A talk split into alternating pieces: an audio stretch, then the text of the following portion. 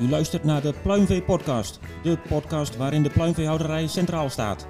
We bespreken de laatste ontwikkelingen en trends uit de sector met de experts in hun vakgebied. Vandaag staat centraal de preventie en aanpak van ongedierte. Dag allemaal en welkom weer bij de Pluimvee Podcast. We zijn vandaag neergestreken in Hapert en we zitten aan tafel in het kantoor van de Schippersgroep. We zitten aan tafel met Johan Rooijakkers van AgroPestControl. En hij gaat ons vandaag meenemen in de wereld van de ongediertebestrijding. Maar voordat we beginnen met uh, het inhoudelijke verhaal, graag eerst even een huishoudelijke mededeling. Want u heeft wellicht gemist de stem van Ruben Leijzinga aan het begin van deze podcast. En dat komt omdat hij uh, na heel wat jaren bij Prozu Media Producties en na heel wat podcastopnames besloten heeft een andere functie aan te nemen. En dat is hem natuurlijk van harte gegund. Alleen voor ons is het jammer. Maar we gaan wel gewoon door. En Ruben, we weten dat jij deze podcast gewoon blijft luisteren. En daarom bij deze nogmaals bedankt. We hebben veel van je geleerd. En we gaan jouw kennis en kunde ook nu weer toepassen om de Pluimvee podcast gewoon door te laten gaan. Mijn naam is Gerben Hofman en dan ga ik nu over naar Johan Rooijakkers van AgroPestControl. Johan, wat fijn dat we vandaag bij jou uh, hier op bezoek mogen komen. Um, kun jij wat vertellen over, over jullie activiteiten? Nou, de activiteiten van AgroPestControl is uh, ja, echt voor de agrarische ondernemer een ongediertevrije stal realiseren. Is in kort zoals wij dat willen doen.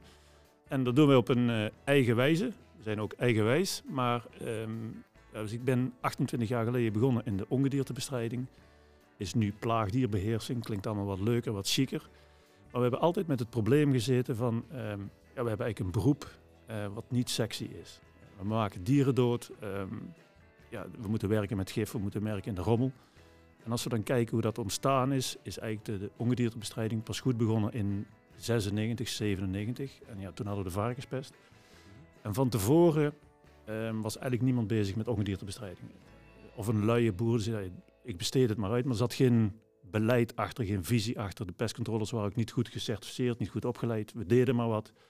We waren met stallen bezig die nadat we kwamen meer muizen zaten dan voorheen. En toen hebben we toch de koppen bij elkaar gestoken van nou, dat moet op een andere manier, dat moet meer gestructureerd. En terwijl we het nadenken qua waren, eh, brak de varkenspest uit in februari. En toen kregen wij regelgeving. Mhm. En de regelgeving die zei van nou, bij een eh, uitbraak van wettelijke dierziekte moet er buiten lokaas gezet worden om plaagdieren niet naar een ander bedrijf te laten lopen. Want een zwarte rat heeft een lichaams-eigen flow die de varkenspestvirus kan verspreiden. Okay. Hebben we nooit gedaan. En eigenlijk is het daar ontstaan. Wij moesten gaan zoeken naar buitenkisten. Eh, want ongediertebestrijders die wilden niet naar buiten, want er waren brandnetels en rommel op die bedrijven. Dus wij deden de muizen binnen bestrijden en de ratten. Ja. Nou, toen moesten wij dat buiten gaan doen. Nou, hoe moet dat? Uh, moeten we buizen gaan zagen of noem maar op? Heel, uh, heel futuristisch was het allemaal niet. En toen hebben we wat kisten kunnen kopen. En dat was het begin van de buitenkist is ontstaan uh, tijdens de varkenspestperiode. En we dachten na de varkenspest, nou, dan zijn we er weer vanaf, kunnen we weer naar binnen. Maar die eigenaren van die ongediertebestrijdingsbedrijven, die dachten van, nee, dat is toch wel een heel mooi verdienmodel. 10 gulden per kistje en een extra uur rondlopen. En we gaan daar een model van maken om de ongediertebestrijding te doen. Nou, leuk, allemaal blij, allemaal happy. Wij starten met de ongediertebestrijding, maar door de jaren heen merkten wij vooral met, met, met ratten, muizen, maar vooral vliegen, dat is eigenlijk nog een belangrijker stuk, maar daar kom ik dadelijk op terug, dat wij Elk jaar kregen we klanten bij, maar elk jaar gebruikten wij meer rodenticide. Okay. En dat vond ik heel raar. Um, ik vind als je uh, eh, 100 klanten per jaar erbij krijgt, dan moet het jaar erop die 100 klanten moet onder controle zijn. Mm -hmm. Maar die ongediertebestrijders, wij in het klus, um, wij hebben nooit aan het buitengebied gedacht. Nooit aan wering gedacht. We waren blij als een boer belde die overlast had en wij konden een contract er neerleggen en we waren aan het bestrijden. Um, toen heb ik in 2012 een, een, een, een, een uh, presentatie gegeven uh, aan ongediertebestrijders in Europa. En is verteld van nou moeten wij hier zo wel mee door willen gaan. Ik wil eigenlijk van de gif af. Nou, dan kijken ze allemaal aan van nou je komt aan mijn portemonnee. Maar als we kijken naar de, de rodenticiden die in Nederland de grond verdwijnen, praat over 600.000 kilo. Die is weg, die zit in de grond. En -hmm. de rodenticide, de anticoagulant, is het zwaarst toegelaten gif in Europa. En dat is allemaal niet erg, als het maar resultaat genereert. Maar wij kregen dat resultaat niet. Wij waren maar steeds meer aan het zoeken naar andere gifmiddelen om die ratten en muizen onder controle te krijgen. Uiteindelijk is uh, in 2015 de wet buitengebruik biocide of buitengebruik rodenticide van kracht gekomen. En toen mochten wij buiten niet meer bestrijden of onder strenge richtlijnen. En toen kregen we eigenlijk dezelfde discussie als in, in 1997.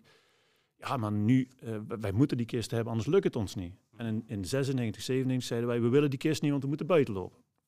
Een hele interessante ontwikkeling.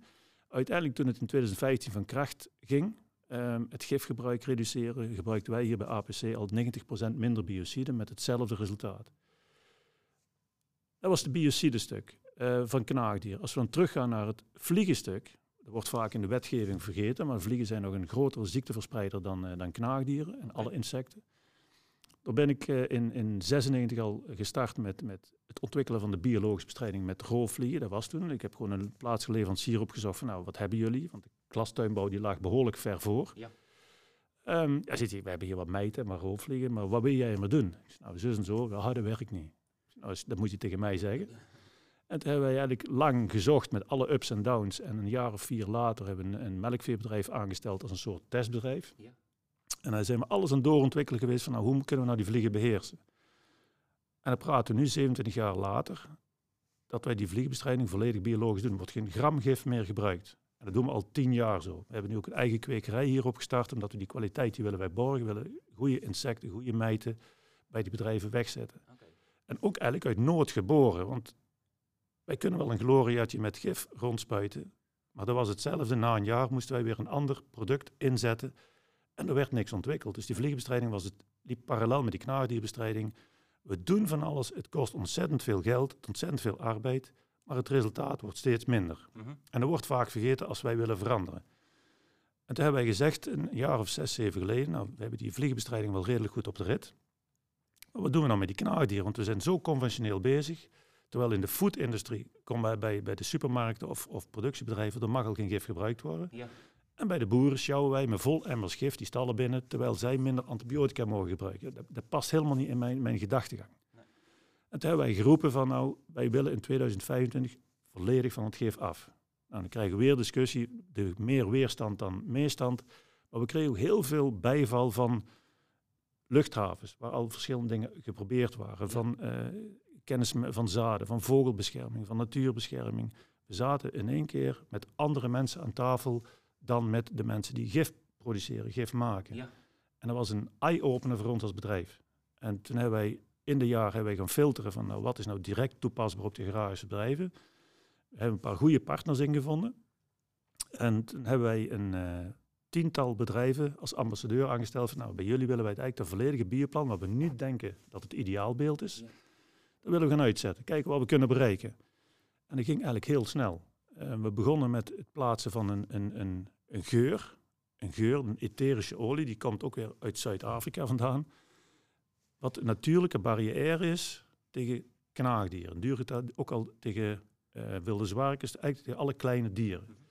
En daar zet je dan op het erf neer of net buiten de stal? Ja, wij proberen eigenlijk alles naar buiten te trekken. Dus we zetten het rondom de bedrijven buiten als eerste barrière. En toen zagen wij, na het plaatsen van die kokers, een jaar lang, want we wisten alle data van die bedrijven, dat we eigenlijk om 70% minder druk op die stal hadden. Dus het bleef 70% knaagdieren bleven al weg. Kijk, dat is het resultaat. Zeg, nou, en alleen maar door de potje geur, dan moet de rest er ook bij. Toen hebben wij uh, ja, de kruiden gaan zaaien, de vogelkasten gaan hangen, ander beleid erop. En die eerste tien bedrijven, er wordt nu al jaren geen korrelgif meer gebruikt. Die draaien volledig op de natuur. Okay. En dan kun je stappen gaan zetten. Mm -hmm. Dus in plaats van, uh, van met gif, met, middelen te gaan werken, uh, bouw je op een andere manier een barrière op rond die stallen. En uh, zo hou je de, de knaagdieren op afstand, zodat je ze niet in de stal krijgt. Ja, het is eigenlijk heel logisch, wat wij ook nooit dachten. Want we, denken, we hebben, wij hebben altijd problemen moeten oplossen. Wij komen bij die boer, ik heb ratten, ik heb vliegen, oké, wij gaan bestrijden. Eigenlijk moeten wij afvragen, ja, waarom zitten die ratten en die vliegen hier? En toen zijn we terug gaan denken, als ik, uh, ik heb heel veel opnames gemaakt ook en, en gesprekken gevoerd met ons bedrijfsleider hier, rundveebedrijf.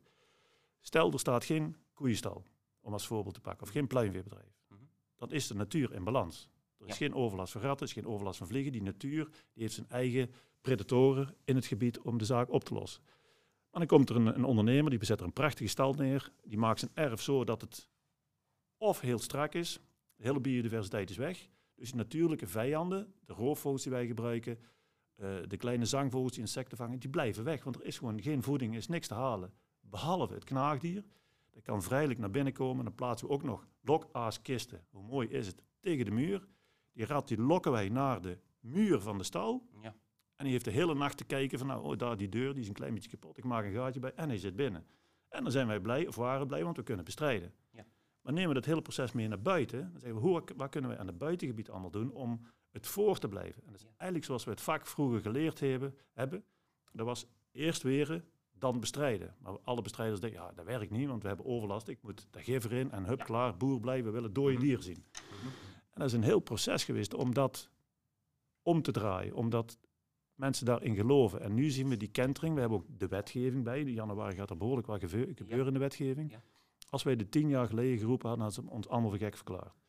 En nu zien we corona, eh, voedselveiligheid. eh, men is meer aan het nadenken wat op de tafel komt. En andere partijen in de markt, die gaan zich daar ook in bewegen. Vroeger was ongedierte, ja, we hebben het er maar niet over. Het is meer, ja, spookstad, eh, het was allemaal niks. En nu wordt er openlijk over gesproken. Kijk wat wij hier doen. Mhm. Dat was, wat moet ik 15 jaar geleden vertellen? Ja, we hebben kisten weggezet met gif en er lagen tien dode ratten omheen en de natuur is kapot.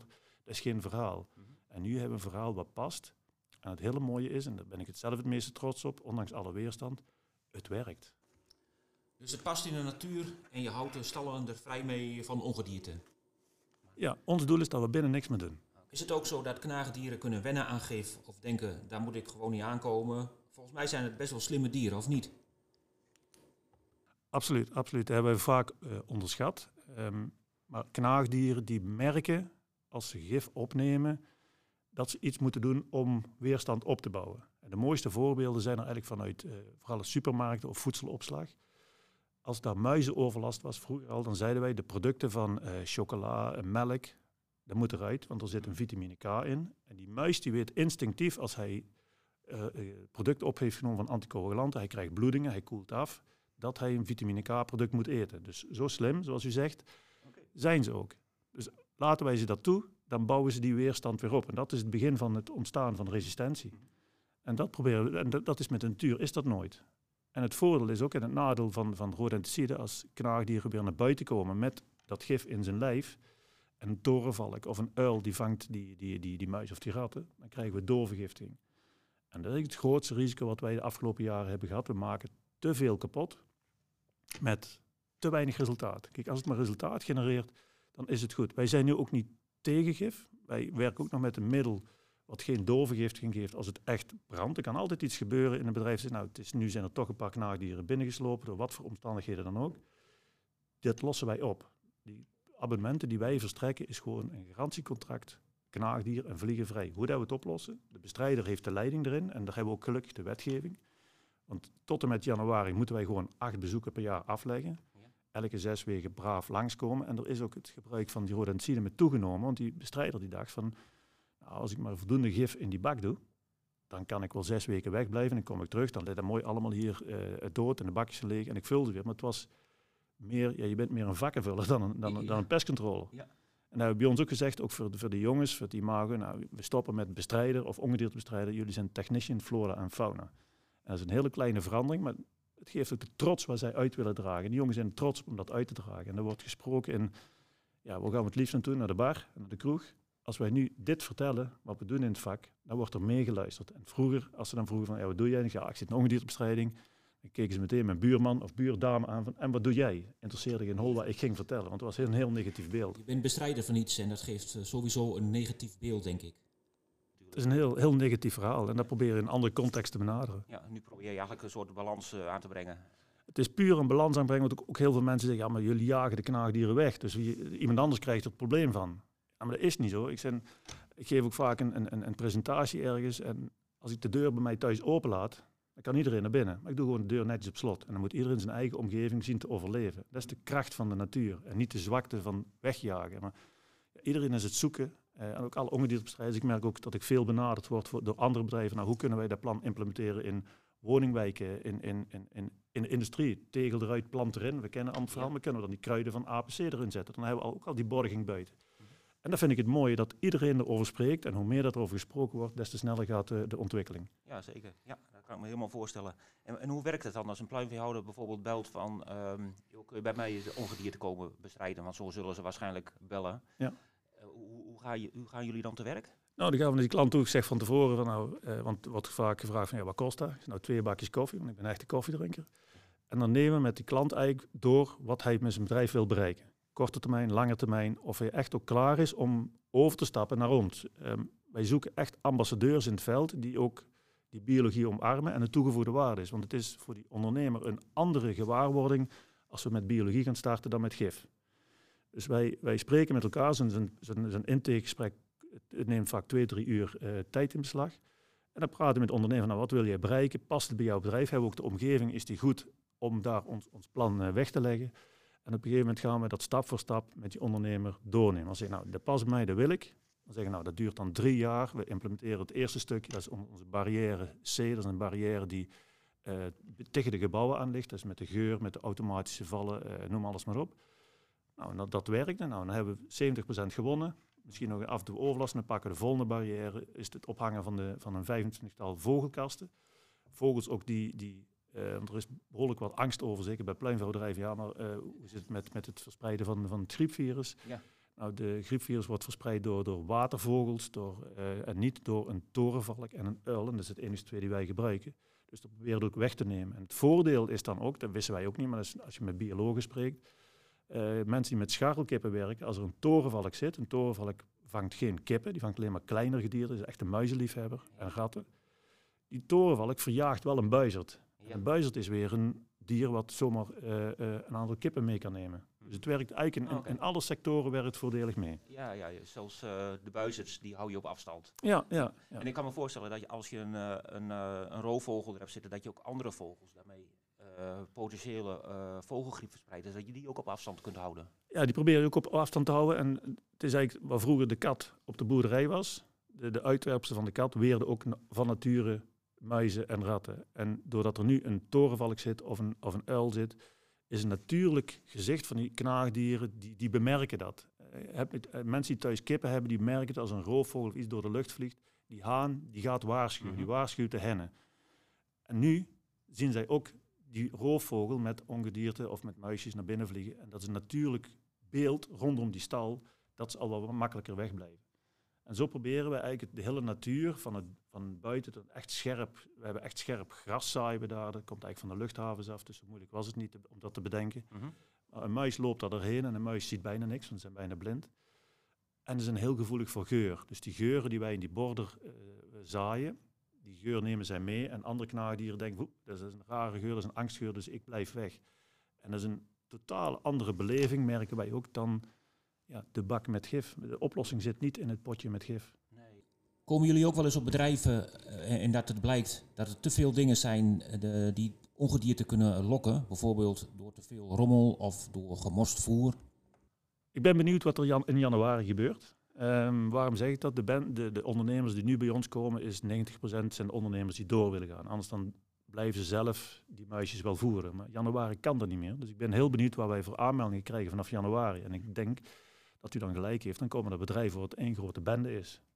Maar die, die dat zelf niet zien. En als wij die mee kunnen nemen in het proces, dat, dat zij ik voor openstaan van nou ik moet eerst, een container huren en alles is opruimen en dan begin ik aan mijn preventieve fase. En die wet staat ook achter ons. Als wij met die klant vastleggen, eerste half jaar gaan wij uh, met een uh, rodenticide de overlast oplossen. Want hier past niks anders. Het is gewoon, je hebt te veel overlast. Maar klant, jij gaat stap 1, 2, 3 en 5, dat is binnen een half jaar uitgevoerd. Is dat akkoord? Dan zegt de klant ja of nee. En bij ja, dan mogen wij volgens de wet beginnen met bestrijden. En dat is wel iets nieuws, daar zijn we ook heel blij mee. Maar dan weet hij al over een half jaar, dan moet ik die omschakeling en die omslag gaan maken. Mm -hmm. En dat geeft die ondernemer ook tijd. Het enige plan waar een ondernemer nog in mee kan werken vanaf januari is van APC het bioplan. Omdat ze zelf in het buitengebied heel veel kunnen doen, want het gif is eruit. Ze hebben wel die ogen nodig, 24 uur per dag. Daar hebben we ook apps voor, voor opgemaakt, dat ze heel snel kunnen, kunnen uh, communiceren met onze technician. Dat hij ook weet wat er speelt in het, in het veld. We hebben het steeds over 1 januari 2023. Wat verandert er dan precies? Ja, wat gaat er veranderen in januari? Een, uh, een goede vraag inderdaad. Um, januari zegt de wet, uh, als je nog wilt werken met, met bestrijdingsmiddelen, dus met rodenticide, anticoagulanten in de eerste fase, volgend jaar komen er de insecticiden bij, dan moet je volledig gecertificeerd zijn, net als een ongedierte bestrijdingsbedrijf, dus net als wij. Ehm, die kosten die zijn behoorlijk hoog. Dan praat je toch over, over certificeringen van, van 1500 euro met nascholingen. Dus tot op dit moment heeft ook niemand zich aangemeld voor die cursus. En ik las gisteren dat er 24.000 uh, klanten zijn die dadelijk geen diploma meer, de diploma, een KBA-cursus hebben ze nu. Mhm. Dus die gaan allemaal zoeken naar iets anders. Maar ze mogen zelf geen gif meer uitzetten of ze moeten dat vakdiploma hebben. En dan is het werken van monitoring, dus kijken, signaleren, dan het habitatmanagement, wat wij doen, de omgeving, het buitengebeuren. Zien we dan iets gebeuren, dan gaan we een niet-chemische bestrijdingsmiddel helemaal aan het eind van de piramide, dan mogen we nog gif inzetten. Mitsen en maren dat ze zijn vakdiploma hebben gehaald. Eigenlijk ook heel logisch. Ja, ja want je had het over uh, eh, 24.000 klanten. Um, die zitten niet alleen in Nederland, denk ik, of wel? Nou, dit was uh, Nederland en een stukje van Duitsland. Dus het is dan toch een behoorlijke hap. Die dan nog zelf het KBA-diploma hebben en zelf de knaagdieren willen bestrijden. Als die in januari allemaal op de markt komen, ja, dan hou ik mijn hart vast. Ja. Maar ze weten het al jaren. Wij zien ook de, de aanmeldingen de laatste maanden wordt duidelijk meer. Van mensen, ja, maar nu moet ik stoppen, ik ga stoppen. Ze denken ook allemaal, ja, ik, ik, ik, ik, zet nog heel veel, uh, ik koop nog heel veel georganiseerd in, dan kan ik 20 jaar vooruit. En dan zegt drie keer, ja, je mag het opgebruiken, maar opgebruiken is een maand, dus anderhalf maand, maar is geen tien jaar nog. En, en daarbij, het, het gif is ook bederfelijk, dus de, de, de, smaak neemt af. En dan raad ik ook niemand aan van, nou, zet je stallen niet vol met gif, want dadelijk kun je het allemaal naar het milieupark brengen. En kijk meer van, wat wil ik bereiken met mijn stal? En ongedierbestrijding, knaagdieren, vliegen is een heel wezenlijk onderdeel van je bedrijfsvoering. Als dat goed loopt, als dat ontzorgd is, dat zie je ook aan je aan je productie, aan je gezondheid van je dieren, minder uitval, noem alle bekende dingen maar op. Dus het is een belangrijk onderdeel. Maar omdat het altijd nog ooggelijkend toegelaten is, ja, je mag het zelf, dan dat klinkt laagdunkend. Hetzelfde als een, een, supermarkt zegt, ik heb kiloknallers, dan denkt de consument dat het is goedkoop vlees. Ja. En die, die, die, die, ja, die, die gedachtegang die moeten wij veranderen. Nee, dat, dat, uh, dat uh, denk ik dat ook aardig goed lukt uh, op de manier zoals jullie dat doen. Ja, ja we, doen, we doen ons best en ik vind het leuk om, om een, een, andere strategie te volgen. En, en zeker als wij staan er ook volledig achter. Wij geloven in dit concept. We merken dat het werkt. En ook de klanten die wij hebben. We hebben gisteren het 105ste contract afgesloten in, in Nederland, want daar, lopen we toch echt voor. En uh, die mensen die dat contract, of de ondernemers die met deze overeenkomst beginnen, dus het Bioplan 25, die stoppen ook niet. Terwijl met, met bestrijdingsmiddelen, dan lukt het niet. En dan gaan ze naar de concurrent en die heeft dan wat zwaarder of anders, wordt vaak gedacht. Het is allemaal hetzelfde, hetzelfde materiaal. Maar je merkt dat die ondernemer, die agrarische ondernemers, ook heel veel verandert. Toen wij vroeger begonnen hadden we boeren, toen waren het agrarische ondernemers. En nu zijn het levensmiddelenproducenten. En dat is een totaal andere gewaarwording in die sector. En als wij lezing geven aan studieclubs, dan merk ik ook die ondernemer, die ondernemer in de toekomst, die wil ook veranderen. Maar je moet ook handvatten krijgen om, om te kunnen veranderen. Als wij niks ontwikkelen, en we blijven allemaal maar roepen in de media van vanaf januari geen gift, dan krijgen we grote problemen in Nederland. Dan moet ik zelf in de spiegel kijken en zeggen, ja, dan moet ik, moet ik stoppen met dit vak. Mhm. Want dan kan ik de problemen niet oplossen. En dan moeten we niet verschuiven naar onze klanten. Want die moeten wij zorgen dat die vanaf januari volledig ontzorgd kunnen worden voor ongediertebestrijding, want daar zijn wij een pestcontrolebedrijf voor.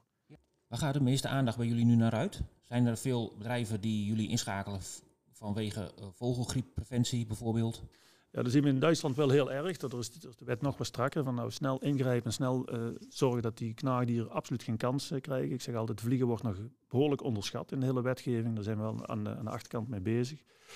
Maar de, de, de, als er een, een uitbreekt, zoals vogelpest of varkenspest, mondeklauwzeer, dan staat iedereen weer op scherp. En dat is af en toe goed, maar we hopen het nooit meer meer te maken. Zeg ik ook varkenspest of mondeklauwzeer of, of voor de vogelgriep. Het is toch een hele negatieve indruk die je achterlaat als sector. En uh, de consument die horen daarvan en die nemen weer meer afstand. En wij proberen die afstand met ons kleine onderdeel dat wij doen te verkleinen. We dit hebben de klanten mee kunnen nemen en de buiten ook zien van er staat een insecthotel. Het is, het is, het is die hardheid van die stal, die kale muur, die nemen wij weg door bloemen die ook nog eens nut hebben. En zo proberen we in te steken. Natuurlijk krijgen we nu meer aanvragen van mensen, ja, maar ik heb eigenlijk niks, maar uh, die, met die kunnen jullie wat betekenen. Dan schakelen wij natuurlijk ook met die klanten. Jij zegt vogelgriep betekent ook vaak uh, goed insecten bestrijden. Ik denk bij vogelgriep altijd aan knaagdieren. Maar insecten bestrijden is dus ook een belangrijk iets. Ja, elk, aan elk insectenpootje zitten minimaal 350 tot 400 bacteriën. En die worden meegegaan. En waar zit een vlieg op?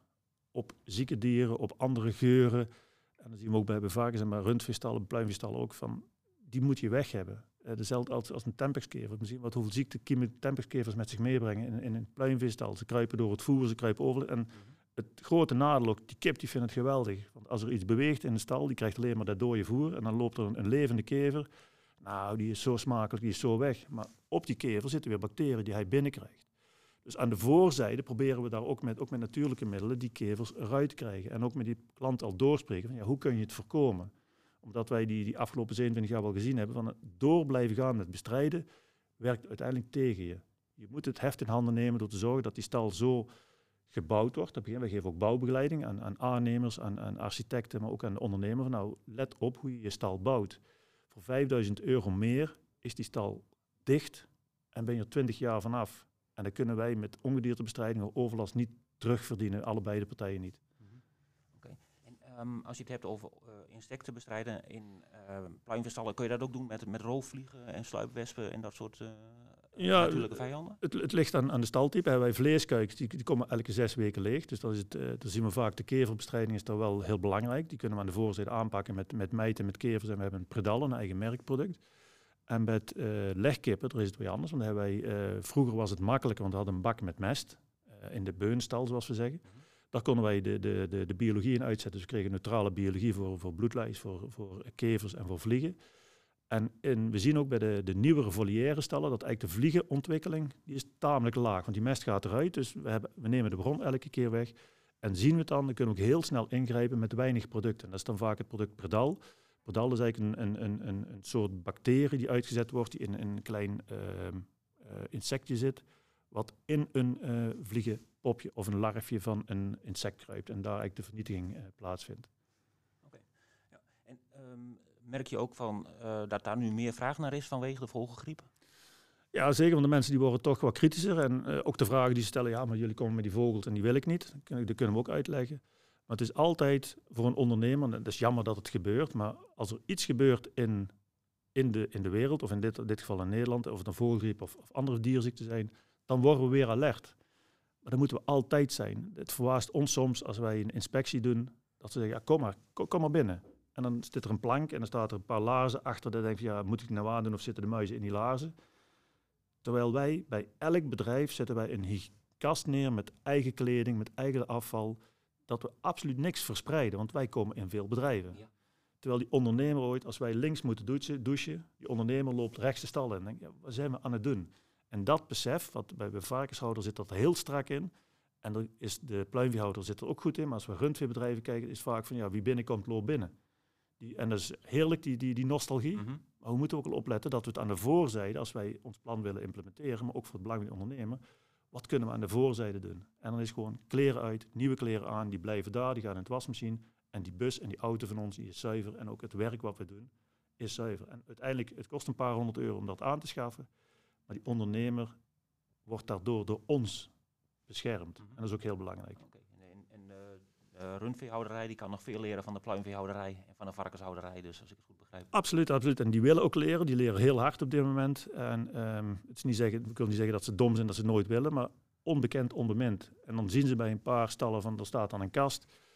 Hey, wat is dat? Wordt over gevraagd. En we hebben nu al klanten die vragen: ik wil ook een kast voor de dierenarts, ik wil een kast voor de vertegenwoordiger, voor die. En die moeten allemaal voor de kleren aan. Als ze het zien en als het werkt, is het ook makkelijk over te halen. En wij moeten zorgen dat wij de, de, de innovatie doen en ontwikkeling om die ondernemer te kunnen ontzorgen. Want zij hebben werk genoeg om zijn bedrijf optimaal te laten renderen. Die hebben andere problemen die wij niet op kunnen lossen. Maar ik vind als wij staan voor uh, hygiëne, voor zorg, daar hebben we ook het highcare stuk voor bij, bij de schippersgroep. En wij zijn onderdeel van, uh, van, van het highcare stuk. Dan moeten wij zeker meegaan in die wedloop van oké, dan willen wij ook voorloper zijn in hygiëne en ontzorgen van, van die plaagdierenstuk. En dat grijpt heel mooi in elkaar aan. Ja, dat kan ik me helemaal voorstellen. En je hebt het uh, telkens over wij. En over hoeveel mensen heb je het dan ongeveer? Uh, APC is een bedrijf met 35 mensen op dit moment. Ja. Oké. Okay. En die zitten uh, in Nederland, maar ook in, Europa? Of hoe moet ik dat zien? Ja, de, de, waar wij zitten is hoofdzakelijk, we moeten de handjes aan, aan, aan, het bed hebben, zeg ik altijd. Dat is Duitsland, Nederland, België, Luxemburg. we hebben ook een, een paar mensen werken in Spanje. De Schippers heeft in Spanje ook een dependance, dus daar kunnen we heel makkelijk groeien. Is ook vraag naar. Maar dan zie je ook dat het per land ook anders werkt. Ja. Waar wij heel ver denken in biologie merken we in Spanje van nou, zeg nog maar even niks. Maar het komt dadelijk wel, dus daar beginnen we heel voorzichtig wel te praten. En dan merken we ook aan klanten van hey, het kan ook anders, want ook daar is het nooit besproken. En iets wat nooit besproken is, dan blijven we bij het verleden zitten. En in Nederland roep ik het al 27 jaar en nou begint heel langzaam, hey, het kan ook anders. En als het anders kan, dan willen die ondernemers ook veranderen. En het wordt vaak zit die stugge boer, absoluut niet. Als hij de kans krijgt om te veranderen, heeft de methodieken daarvoor, dan verandert hij mee. Ja, oké. Ja, als je maar laat zien dat het werkt. En, eh, Dat is het belangrijkste. Dan zeggen we ook van, ja, werkt het wel? Ja, het werkt. Wij geven op die abonnementen gewoon 100% garantie op resultaat. Als die ondernemer meewerkt. Wij Mhm. kunnen het gelukkig, we kunnen het niet alleen. Het is een plan waar we samen oppakken met, eh, met onze klanten. En dan voelen ze zich ook betrokken. Ze voelen bij heel veel eh, wetgeving zich vaak buitengesloten. En dat hebben wij proberen te voorkomen door een plan te maken waar ze gewoon in kunnen participeren, zijn aandacht in hebben. En het ziet er ook nog eh, hartstikke mooi uit. ja, ja, maar alles moet wel kloppen op het bedrijf om het goed te laten. eh, Het moet kloppen. Wij kunnen niet, eh, ze kunnen niet zeggen van nou, ik, ik laat mijn bedrijf zoals het is. Ik, ik zal geen enkel actiepunt van APC eh, aanvaarden. Hier moet het zijn, regel het maar. En dan moeten wij helaas tegen de klant zeggen, van dan zul je een ander pestcontrolebedrijf moeten zoeken. Oké. Wij willen vooruit en wij willen die ondernemers helpen die daar ook vooruit willen. Kom je al wel eens op bedrijven die eigenlijk bijzondere gevallen zijn? Bijvoorbeeld dat de ratten al bij de oprit op je staan te wachten, om het zo maar te zeggen. Ja, we, maken van alle, ook hele trieste, hele trieste gevallen. Ik heb een, eh, dat is al jaren geleden, ik denk 10, 15 jaar geleden, dat is me altijd nog bijgebleven. Er was een, een varkensbedrijf, er belde man op van ja, ik heb, ik heb last van ratten. Nou, kom, ik ben zelf het bedrijf, het is een hele oude eh, Brabantse woonboerderij, prachtige, prachtige locatie. En achter was een, eh, een, een groot eh, vleesvarkensbedrijf. Dus ik dacht, nou, ik zal achter moeten zijn. Dus ik klop achter op de deur, komt er een, een beetje botte boer, zeg maar, die komt naar buiten. Daar moet je zijn, bij de woning. Dat is goed. En er zat een vader, helemaal alleen. En eh, die begon te vertellen, ja, zit hij, als ik s'nachts eh, ga slapen, zit hij, dan eh, slapen de ratten bij mij. En ik ben op zijn kamer geweest en dan zie je boven de gaten in het dak. ehm, ja, ik heb niet, niet snel tranen in mijn ogen, maar dan denk je, ja, wat gebeurt hier? Ja. En ik zeg, maar hoe, hoe, met wie moet ik nou afspraken maken? Ja, zit hij, mijn zoon zal het moeten betalen, maar die doet het niet, want zit alleen maar te wachten tot ik overlijd en dan kan het bedrijf plat of de boerderij plat en bouwt hij een nieuw huis. Dus ja, hij zal het ook nooit betalen. En toen hebben we die elkaar aangekeken en we gaan beginnen. Hij zit hier, wat kost dat? Ik zei, dat doen we. Ik, ik stuur geen rekening. Ik, zei, ik wilde gewoon zelf doen. Ik, zei, ik vond het zo aangrijpend. En dat hebben we toen nog anderhalf jaar gedaan. En toen is die man overleden. En toen stond er een kaartje van eh, voor de pestcontroller. Bedankt. Oké, nou, dat is wel een heel, heel triest verhaal, maar toch mooi dat je daar hebt kunnen helpen. Ja, ja dus uiteindelijk is dat mooi, maar dat, dat verwacht je niet. Als je naar zoiets toe gaat, dan, dan verwacht je gewoon een oplossing. En, maar wij komen in elke keuken, zeg ik, als we de bellen hingen, dan zou het overal rammelen. Maar we horen alle verhalen van dichtbij natuurlijk. Ja, ja. En in dit geval was dan, ehm, eh, wa- was dan het ongedierte afkomstig van het vleesvarkensbedrijf en was daar in huis gekomen, of hoe moet ik het zien? Waarschijnlijk wel, maar wij, ja, wij kwamen niet achter het hek. Dus ik heb het nooit kunnen, kunnen bevestigen. Maar die, die ratten zaten, was een oude boerderij en er lag ook wel opslag achter. Dus we hebben wel wat kunnen bereiken, maar we hebben eh, anderhalf jaar lang daar toch eh, behoorlijk moeten werken om die man een rustige nachtlust te kunnen, kunnen gunnen. Ja, nou, zijn- die heeft hij dan in zijn laatste jaar eh, misschien nog gehad. Ja, daar hoop ik wel. Oké, ja. Nou, we hebben inmiddels heel wat besproken en ik heb al een heel beeld van, van, van jullie werkzaamheden en hopelijk onze luisteraars ook. Ehm, ik weet niet, hebben we nog dingen waarvan je zegt van, nou, dat wil ik nog graag vertellen. Ehm, dat is nog belangrijk om nog even aan te geven. Nou, het belangrijkste tip is wat, wat ik eigenlijk aangaf ook van als de wet gaat veranderen. Mensen gaan dadelijk zoeken naar ongediertebestrijdingsbedrijven en vraag goed bij zo'n bedrijf wat, wat het visie is, waar ze naartoe willen en wat ze kunnen bieden. Trap niet te snel in, in langlopende abonnementen, want eh, na een jaar kan er veel veranderd zijn. Maar denk goed na en ze hoeven niet allemaal bij ons te komen. Ik vind het hartstikke leuk, dat doen we graag. Maar als andere bedrijven het goed doen, dan zal ik alleen maar omarmen. Maar vraag ze goed uit wat het visie is van, van, van de bedrijven. Dus dat ook dat dat pestcontroleplan bij jou als ondernemer past. Oké, ja. Nou, dat is eh, goed om eh, deze podcast mee te eindigen. Ehm, meer over dit onderwerp eh, ook in de pluimveekrant, die in december weer op de mat valt bij de pluimveehouders in Nederland en in Vlaanderen. En in de pluimveekrant ook aandacht eh, voor de vogelgriep uiteraard. Wat kun je doen om de vogelgriep ehm, van je bedrijf te houden? Biosecurity tips. We gaan het hebben over ehm, onze redacteur Dick van Doorn. Die is eh, op bezoek geweest bij Adriaan van Binsbergen, een pluimveehouder op Tolen. Hij heeft daar een heel mooi eh, verhaal opgetekend. En meer nieuws. We gaan kijken op de Eurotier, wat er allemaal aan innovaties eh, zijn op pluimveegebied. Dus dat leest u allemaal straks in december in de Pluimveekrant. Voor nu ga ik eh, zeggen, eh, Johan, bedankt voor jouw verhaal. Fijn dat we hier aanwezig mochten zijn. En bedankt ook voor het luisteren allemaal. Tot ziens.